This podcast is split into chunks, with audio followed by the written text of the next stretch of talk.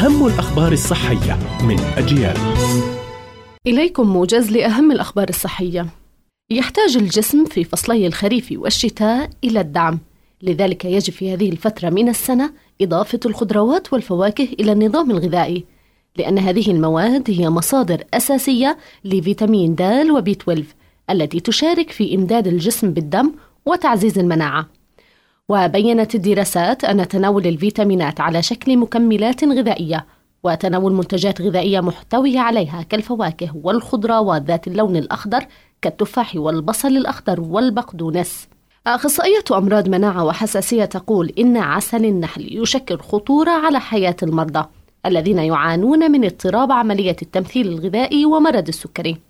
وبينت الخبيرة أن العسل يحتوي على كربوهيدرات بسيطة. لذلك قد يشكل خطورة على حياة من يعاني من اضطراب عملية التمثيل الغذائي والسمنة ومرض السكري.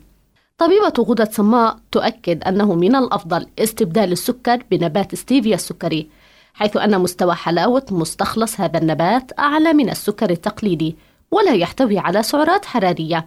كما أن نبات ستيفيا لا يشارك في عملية التمثيل الغذائي للكربوهيدرات في الجسم.